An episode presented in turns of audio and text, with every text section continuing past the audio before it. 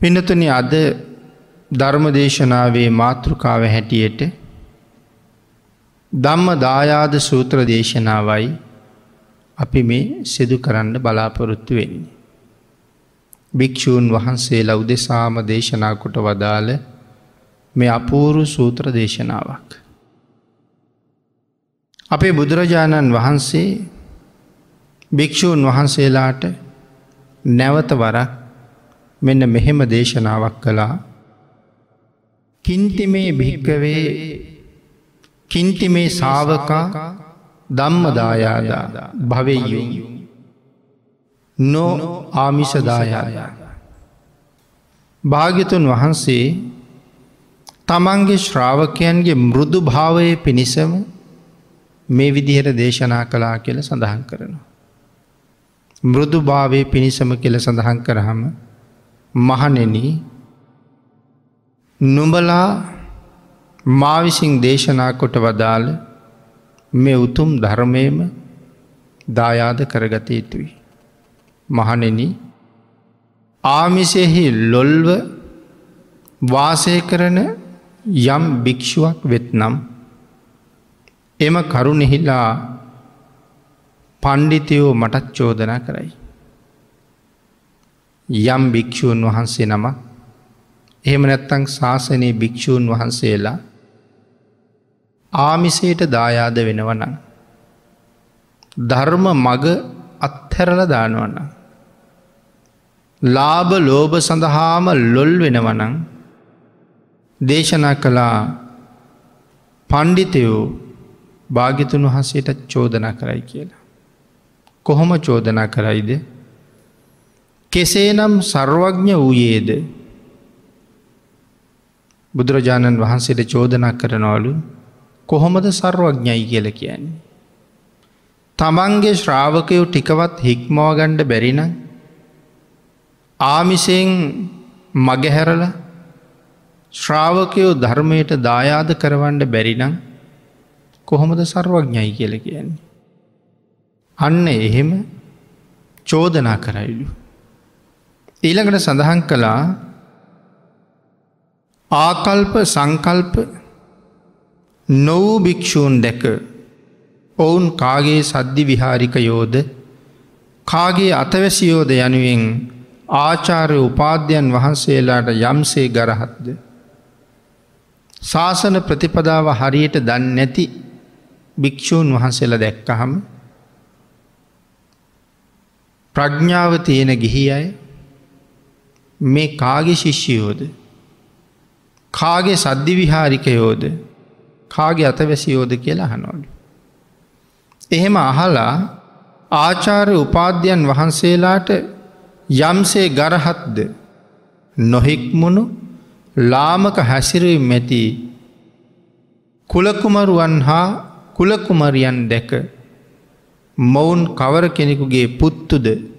මොවුන් කවර කෙනෙකුගේ දූවරුද යනුවෙන් මව්පියන්ට ගරහත්ද අන්න ඒ විදිහට පණ්ඩිතයෝ කෙසේ නම් සර්වඥ වූයේ තම ශ්‍රාවකයන් ධර්මදායාද වූවන් ආමිෂ දායාද නොවූවන් කරන්නට නොහැක්කේ යැයි මටත් චෝදනා කරයි කියල සඳහන් කරන.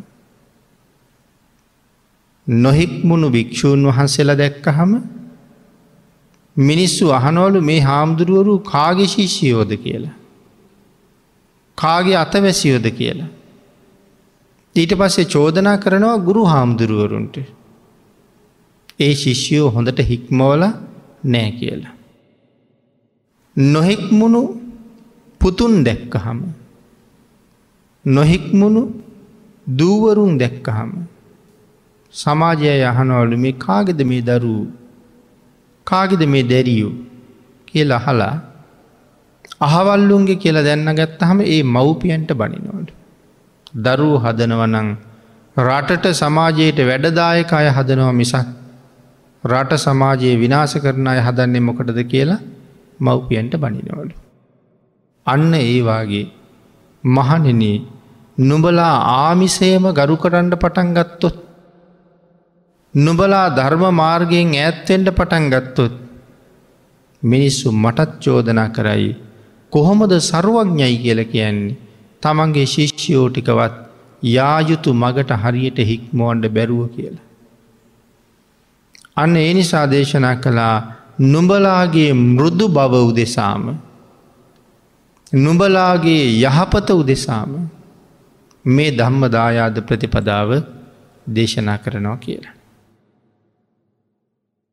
මෙසේ අවවාද පිළිගෙන ක්‍රියාත්මක නොකිරීමෙහි ආදීනව බුදුරජාණන් වහන්සේගේ අවවාදය පිළි අරගෙන යම් කෙනෙක් ඒ අවවාදයට අනුව කටයුතු කළේ නැත්තං. ඒ අයට මොනවාගේ දුකක් සංසාර විඳින්න සිද්ධ වෙනවද ඒක ආදීනව මොකක්ද. තව කෙනෙක් භාගිතුන් වහන්සගේ ධර්මය පිළි අරගෙන ක්‍රියාත්මක කිරීමේ අනුසස් දක්වන්ඩ බුදුරජාණන් වහන්සේ මෙන්න මෙහෙම දේශනා කළා.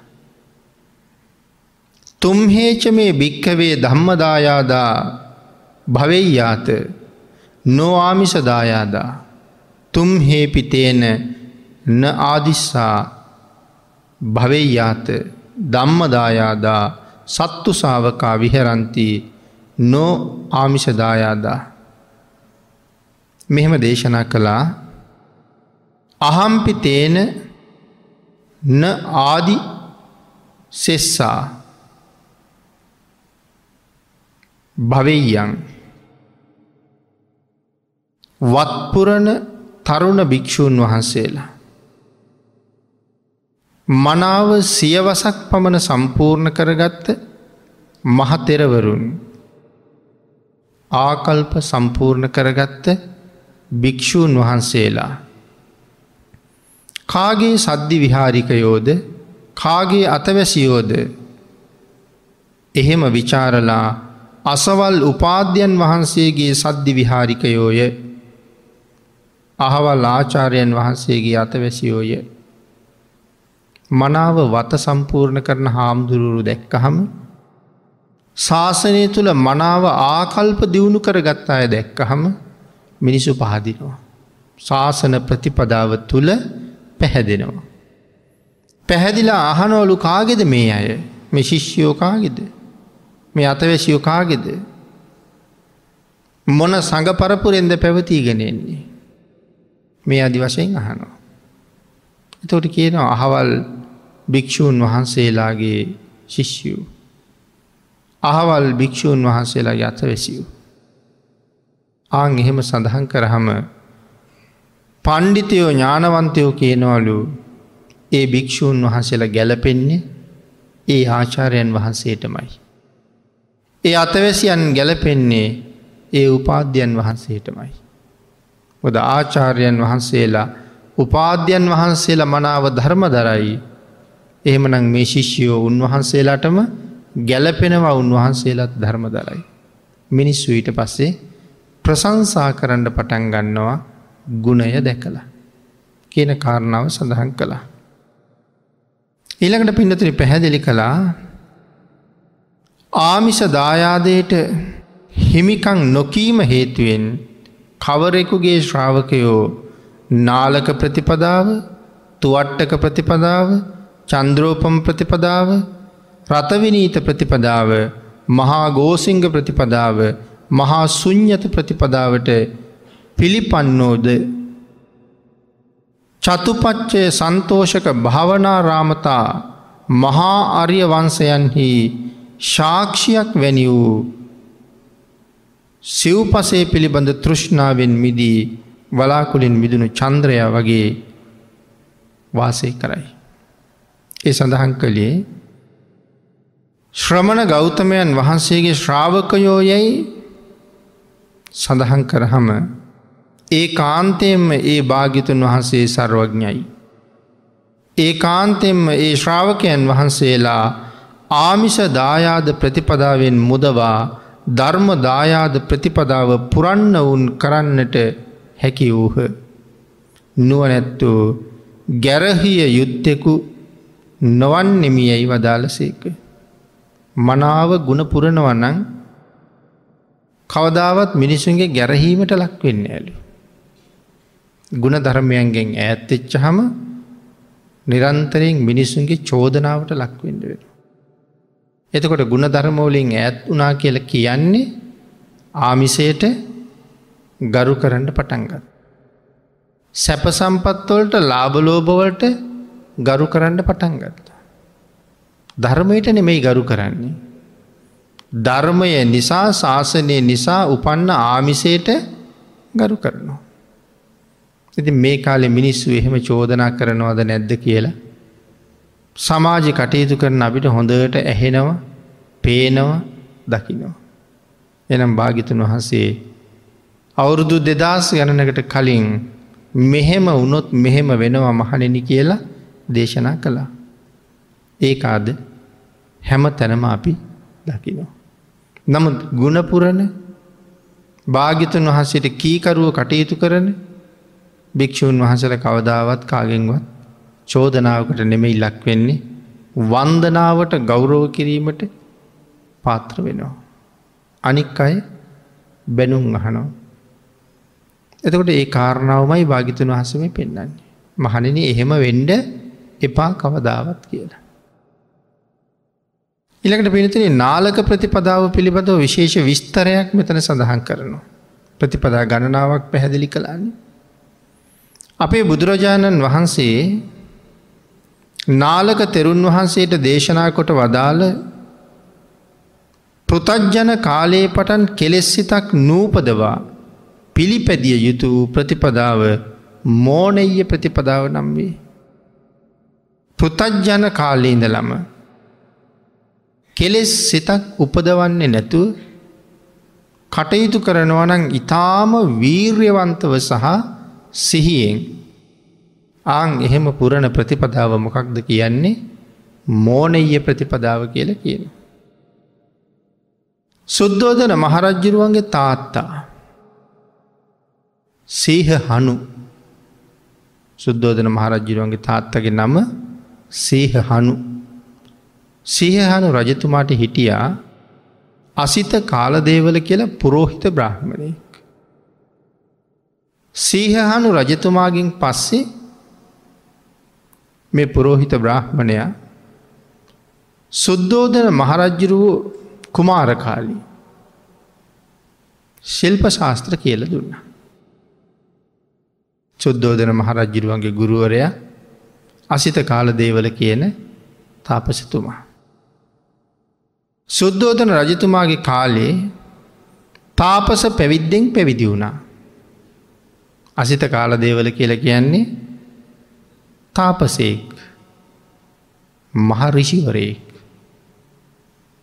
පංච අභිග්ඥා අෂ්ට සමාපත්තිලා බිරිෂිවරයෙක්. කොයි තරන් ඒ ගුණ දියුණු කරලද කියනවනං. මනුස්සලෝකෙන් දවල්ට ආහාර අරගෙන ටිකක් විවේක ගණ්ඩ කොහාටද යනෝ කියන්නේ. තවතිසාාවට. මිනිස් ලොවින් කෑම කාලා තවතිසාාවට ගිහිල්ල විවේක ගන්නවා. අය පස්සෙ මනුස්සලෝගෙට පස්සේෙනවා. ආයෙත් ආහාර අනුභව කරපු දවසක ටිකක් විවේක ගණ්ඩ තවතිසාාවට යනවා. ඒ තරං අභිග්ඥාතියන කෙනෙක් තමයි අසිත කාල දේවල කියල කියන්නේ.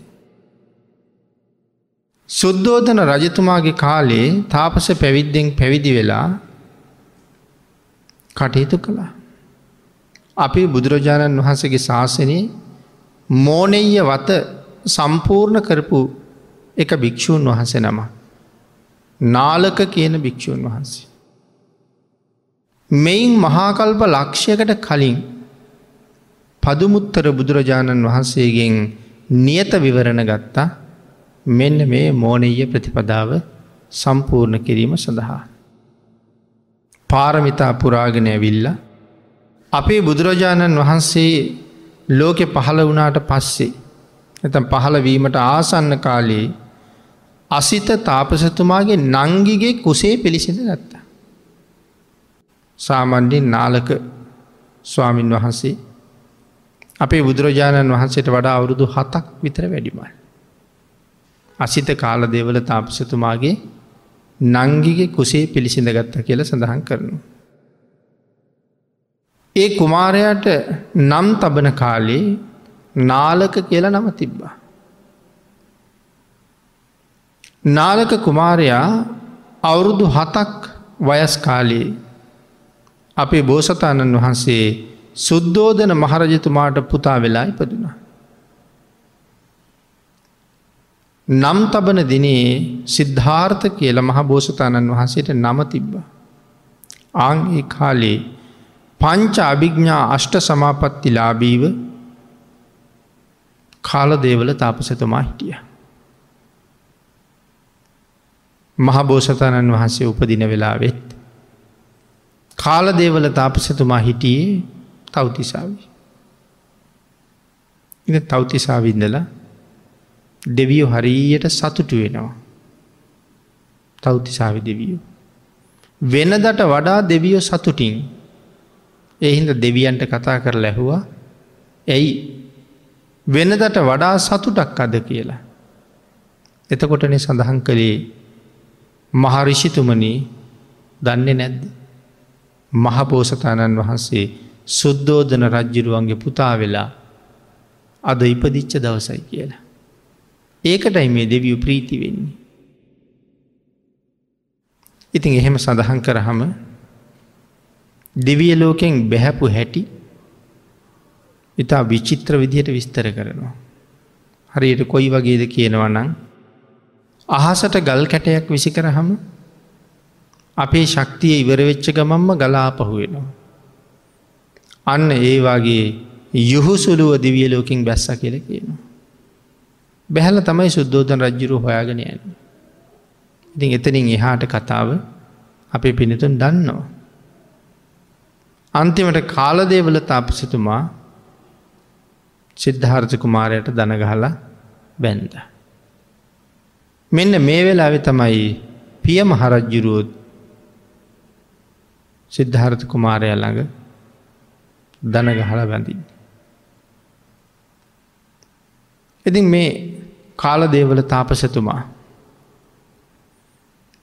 තමන්ගේ නංගිගේ පුතාට මෙන්න මෙහෙම අවවාදයක් කළා. කොහොම අවවාදයක්ද යම් දවසක බුදුරජාණන් වහන්සේ ලෝකෙ පහළ වුණා කියලා ආරංචි වුණොත්.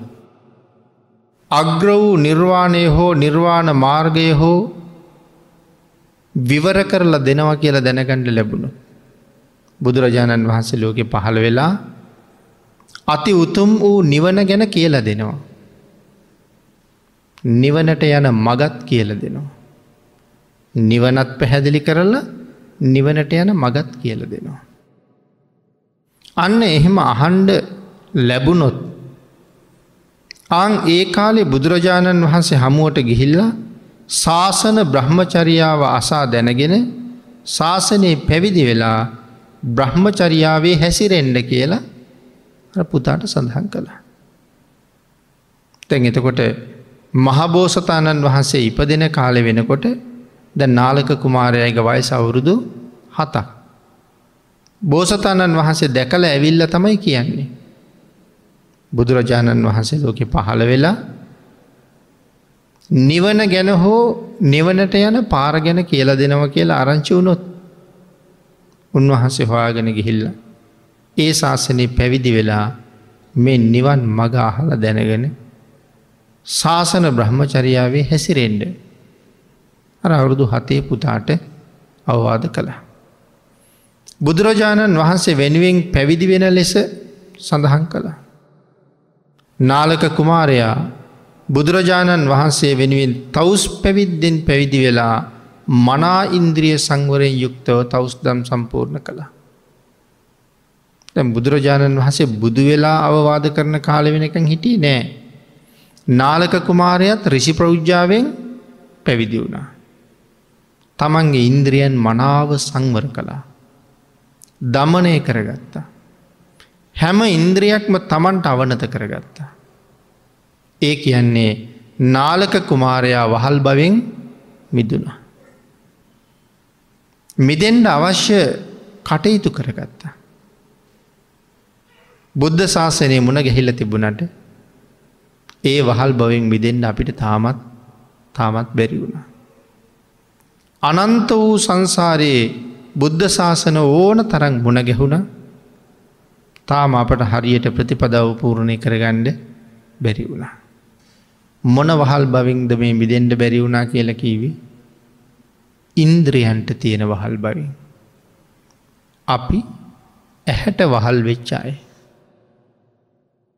අපි කනට දිවට නාසයට කයට මේ ඉන්ද්‍රියන් පහටම වහල් වෙච්චාය. ද ඇහැයි අසංවරය කියල කියන්නේ. ඇහැ හැම වෙලාවම අපිට කියනවා ලස්සන දෙයක් බලන්ට. අපි කියමුකෝ එක පැත්තක තියෙනවා ගණ රත්තරම් බිත්තියක්. අනික් පැත්ති තියෙනවා මැටි බිත්තියක පින්තූර ඇඳලා. ඇතන් කඩදාසි කොලේක පින්තූර ඇඳලා බිත්තිය පුරාමලෝල. රත්තරං බිත්තියම කොවත් නෑ. වටිනාකමෙන් වැඩිමකක්ද රත්තරම් බිත්තිය. නමුත් කිසිම පින්තූරයක් නැති රත්තරං බිත්තිය දිහා බලාගෙන ඉන්ඩද අපි කැමති නැත්තං අර කඩදාසියෝල ඇඳලා අලවලා තියෙන පින්තූර බලන්ඩ ද අපි කැමති. අපේ ඇහැ පින්තූර බලන්ඩ තමයි කැමති. මට වුවමනයි රත්තරං බිත්තිය බලන්ඩ නමුත් ඇහැ බල කරනවා අර එහැ පැති තියෙන පින්තූර ටික බලමු කියලා. වහල් බව අපිට තේරෙන්නේ. තවත් නොයෙක් විදිහට ඔය එක අරමුණක් කරගෙන හිතන්ඩ පුළුවන්. කොයි තරං හිතාගෙන හිටියත් අද පාඩන් කරනවා කියලා. වෙනද සුපුරුදු රූපවාහනී කතාව මතක් වෙනකොට වෙලා වෙනකොට තවටිකක් රෑ වෙලා හොඳට පාඩන් කරනවා අද මේ ටික බලලමෙන්ඩ ඕන කියලා බල කරනවා ඇතෙන්ටම ඇන්ට. ඉතින් ඇහැයි හිතයි දෙකම අරගෙන අපිතෙන්ට යන. මිහිරි ශබ්ද ඇහෙනකොට මිහිරි රස මිහිරි සුවඳ මේ හැම දෙකටම අපි තාම තාම වහල්. නමුත් මේ නාලක භික්‍ෂූන් වහන්සේ රිසි ප්‍රෞද්ජාවෙන් පැවිදි වෙලා ඉන්න කාලෙත් මේ ඉන්ද්‍රියන්ට තියෙන වහල් බව නැති කරගෙන මනාව ඉන්ද්‍රිය සංවරයෙන් යුක්ත වුණ. ඉන්ද්‍රිය සංවරය ඇති කරගත්ත. සිද්ධාර්ථ කුමාරයා අභිනිෂ්ක්‍රමණය කරලා හයවුරුද්දත් දුෂ්කර ක්‍රියා කරලා. අවුරුදු තිස් පහක් සම්පූර්ණ වෙනකොට ලොවතුරා බුද්ධ රාජ්‍ය ලබා ගත්තා. ලොවතුරා බුද්ධ රාජ්‍ය ලබාගෙන අවබෝධ කරගත්ත උතුම් ධර්මය. ඉස්සිස්සරලාම පස්වග මහනුන්ට දේශනා කළා. පළවෙනි ධර්ම දේශනාවෙන් දවස් හතකට පස්සේ. මෙන්න මේ නාලක කියන රිෂිවරයා බුදුරජාණන් වහන්සේ හොයාගෙනෙනවා. පළවෙනි දේශනාවෙන් දවස් හතකට පස්සෙ තමයි මේ නාලක රිෂිවරයා ඉසිපතනයට බුදුරජාණන් වහන්සේ මුණගැහෙන්ඩෙන්. විශේෂයෙන් නාලක තාපසතුමාට හිතවත් දේවතාව ඇවිල්ලා සම්මා සම්බුදුරජාණන් වහන්සේ ලොව පහළ වෙලා බව මේ නාලක කියන තාපසවරයට කිව්ව කියල සඳහන් කරනවා. ඊට අනුව තමයි භාගිතුන් වහස හොයාගෙන හොයාගෙන එන්නේ. ගෞතමයන් වහන්ස අසිත තාපසතුමන්ගෙන් මේ කුමාරයා උතුම් සම්බුදු පදවිය ලබන්නේ යැයි දැනගෙන බුද්ධ වචනය වෙනත් කෙනෙකුගෙන් යම් දෙනක අසන්නට ලැබෙයිද. එවිට ඒ සම්බුදුරජාණන් වහන්සේ වෙත පැමිණ දහම් මග හැසිරෙන්නේ යැයි මට පිළිපැදීමට අවවාද කලා දැම්මට ඒකට කාලේ. ස්වාමින් වහන්සේ අසිත කාලදේවලතුමා මට මෙන්න මෙහෙම අවවාද කළා. ලොවතුරා බුදුරජාණන් වහන්සේ ලෝකෙ පහළ වෙලා නිවන දේශනා කරන්නේද නිවන් මග දේශනා කරන්නේද. එදාට උන්වහස ළඟට ගිහිල්ලා. ඒ ශාසනයේ පැවිදි වෙලා ඒ උතුම් නිවන් මග හැසිරෙන්ඩ කියල මට මතක් කළා. අද ඒ බුදුරජාණන් වහන්සේ මම මගේ ඇස් දෙකෙන්ම දැක්කා. ඒ නිසා පැමිණිය යුතු තැනට මම දැන් ඇවිල්ල ඉන්නේ. කාල දේවල තාපසතුමා යමක් කීවද යම් කෙනෙක් දකිින්ට කීවද. අද මම ඒ උත්තමය මගේ ඇස් දෙකෙම දැක්කා. මං පැමිණිය යුතු හොඳම තැනට දැන් ඇවිල්ල ඉන්නවා. අන්න ඒ නිසා සියලු ධර්මයන් දැනගැනීමෙන් පරතරට ගිය බැවින් අභිඤ්ඥා පාරගූ නම් වූ පංචු පාදානස්කන්දය පිළිබඳව මනාව දැනගත් නිසා පරිඤ්ඥා පාරගූ නම් වූද සියලු කෙලෙස් ප්‍රහාණය කරමින් ගිය බැවින් පහන පාරගූ නම් වූ බැවින්ද සෝවාන්නාදී සතරමාර්ග පල භාවනා වශයෙන් වඩමින් ගිය බැවින් භාවනා පාරගූ නම් වූද නිර්වාණය ශාක්ෂාත් කරමින් ගිය බැවින් සච්චිකිරියා පාරගූ නම් වූද සියලු සමාපත්තීන්ට සමවදිමින් ගිය බැවින් සමාපත්ති පාරගූ නම් වූ බැවින්ද. සියලුම ධර්මයන්හි පරතරට ගිය භාගිතුන් වහන්සේගෙන් මෙසේ විචාරමි. එතකොට භාගිතුන් වහන්සේ හඳුන්වන්ඩ නං කීපයක්ම මෙතන සඳහන් කරලා තියෙනවා. මේ නාලක කියන රිෂිවරයා මොන්න තරං ශ්‍රද්ධාවෙන් කටයුතු කලාද කියන කාරණාවත් අපිට මෙතන පේනවා. බුදුරජාණන් වහන්සේ පිළිබඳව කරුණු ගණනාවක් සඳහන් කර කර මෙන්න මෙහෙම උන නිසා මෙහෙම කියනවා. මෙන්න මෙහෙම උන නිසා මෙහෙම කියනව කිය කියා භාගිතුන් වහන්සේට මනාව වූ ස්තුතියක් කරනවා. ස්තුතියක් කරලා භාගිතුන් වහන්සේගෙන් මෙසේ විචාරමී ස්වාමීනී මං මෙන්න මෙහෙම අහනවා. කියල භාගිතුන් වහන්සේට සඳහන් කරනවා. ගිහිගෙයින් නික්ම බුද්ධාදී මහෝත්තමයන් වහන්සේලා විසින් පුරුදු කරන ලද කෙලිටු නැති පින්ඩ පාතෙහි යෙදෙන උත්තම ප්‍රතිපදාව වන අනගාරික පැවිද්දට පැමිණි මා විසින් විචාරමි මුණීන්ද්‍රයන් වහන්සේ එය මාහට වදාරණ සේක්වා එවිට බුදුරජාණන් වහන්සේ මෙහෙම සඳහන් කළා. බුදුරජාණන් වහන්සේ වෙනුවෙන්ම පැවිදි වුණා. නොකිලිටි වූ පින්ඩ පාතයෙන් මං යපුණා. ලොවතුරා බුදුරජාණන් වහන්සේ හොයාගෙන මම ආව ස්වාමීනී අසිත කාල දේවල තාපසතුමා මට සඳහන් කළා ඒ උතුම් නිවන හෝ ඒ උතුම් නිවන් මාර්ගය හෝ භාගිතුන් වහන්සේගෙන් අහල දැනගණ්ඩ කියල. ස්වාමීනී මට ඒ උතුම් මග අනුකම්පාවෙන් වහාම දේශනා කරන්න කියලා ඉල්ලීමක් කළා. මට ඒ මග කියල දෙන්න ස්වාමීණි. අපේ බුදුරජාණන් වහන්සේ දේශනා කළා නාලකය මාවිසින් නුඹට මෝනෙය පිළිවත පවත්වන්නේ නම් එය පිළිපැදීමෙන්ද එහි මනාව යෙදීමෙන්ද නුඹට යහපතක්ම වන්නේය එහෙත් එය පිරීම පහසුවේ. මග පල නිවන නොලබන ලද මුල් අවස්ථාවෙහි පටන් කෙලෙස් සිතක් නූපදවා ගනිමින්ම පිළිපැදිය යුතුවේ. නාලකය ඔඹ අහන ඒ ප්‍රතිපදාව කියල දෙන්නනම් මට පුළුහං නමුත් නාලකය ඒක ඒ තරම් පහසු ප්‍රතිපදාවක් නං නෙමෙයි රහත් වෙන්ඩ කලින් ඉඳලම. කෙලෙස් සිතක් නූපදවන ප්‍රතිපදාව ඔබ අනුගමනය කළ යුතුයි. එසේ කිරීම දුෂ්කර වූ ඒ දුෂ්කර වූ දේ කිරීම පිණිස උත්සාහය අතිකර ගැනීමෙන් තමන්ට උපකාර ගනුව ඒක ඉතා දුෂ්කර දෙයක්. ඒ දුෂ්කර වූ දේ කරගණ්ඩ යමෙක් යෙදෙනවද ඒ තමාටම උපකාර කර ගැනීමක්.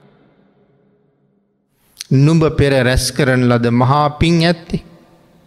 නමුත් නාලකය ඒ ප්‍රතිපදාව හරි දුෂ්කරයි ඒ වනත් නාලක ඔඹ පෙර කරන ලද මහපින් ඇති කෙනෙක් පහසුවෙන් ලද නොහැකි වූ ඒ මෝනය පිළිවෙත ඉවසීමෙන් යුතුව ලිහිල් නොවූ උත්සාහයෙන් නිසැකව එහිය දෙෙන්ඩ.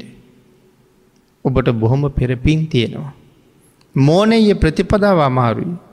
නමුත් ලිහිල් කරන්න එපා. වීරය වඩන්ඩ උත්සාහ කරන්ඩ ඔබට ඒක සම්පූර්ණ කරන්න පින් තියෙනවා කියන කාරණාව භාගිතුන් වහස දේශනා කළා.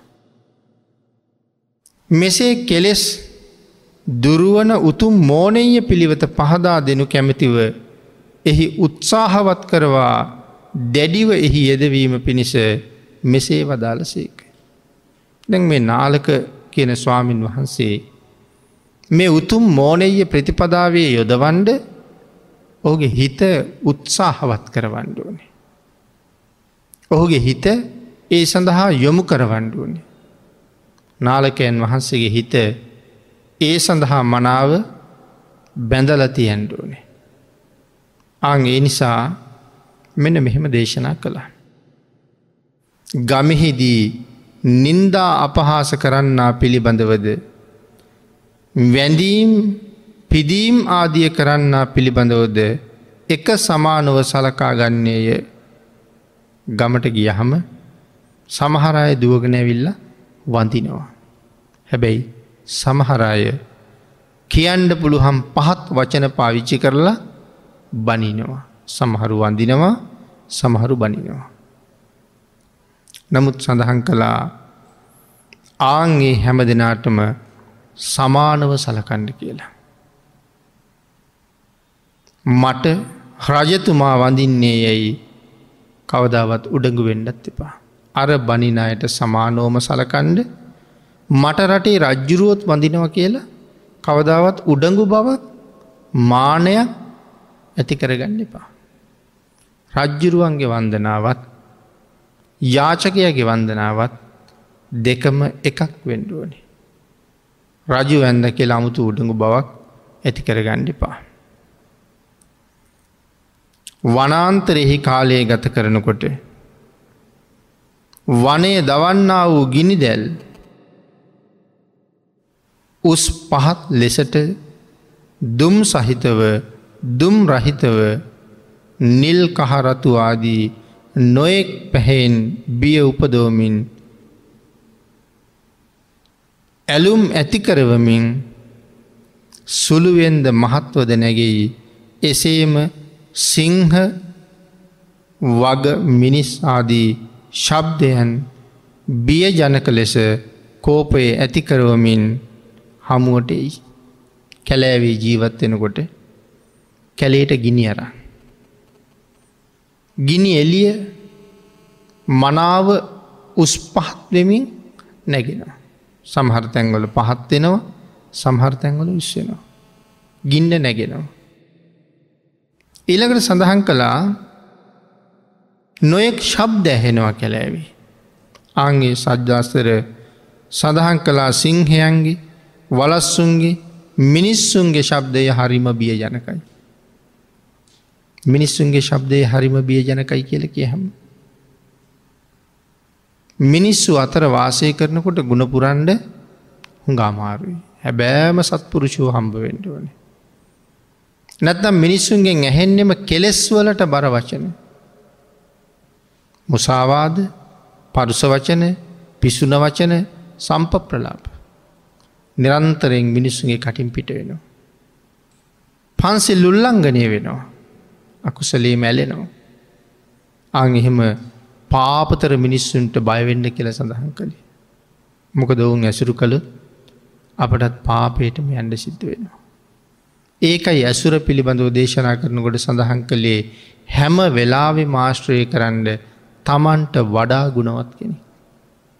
එහෙම කෙනෙක් හම්බුන් නැත්තං අඩුම තරමේ තමන්ට සමාන කෙනෙක් තැසිරු කරන්න කිව්වා. හැබැයි මොනම ලාබයි තිබුණත් මොනම හේතුවකටවත් තමන්ට වඩා පහත් කෙනෙත් කැසිරු කරනවට බුදුරජාණන් වහසේ කැමතිම නෑ.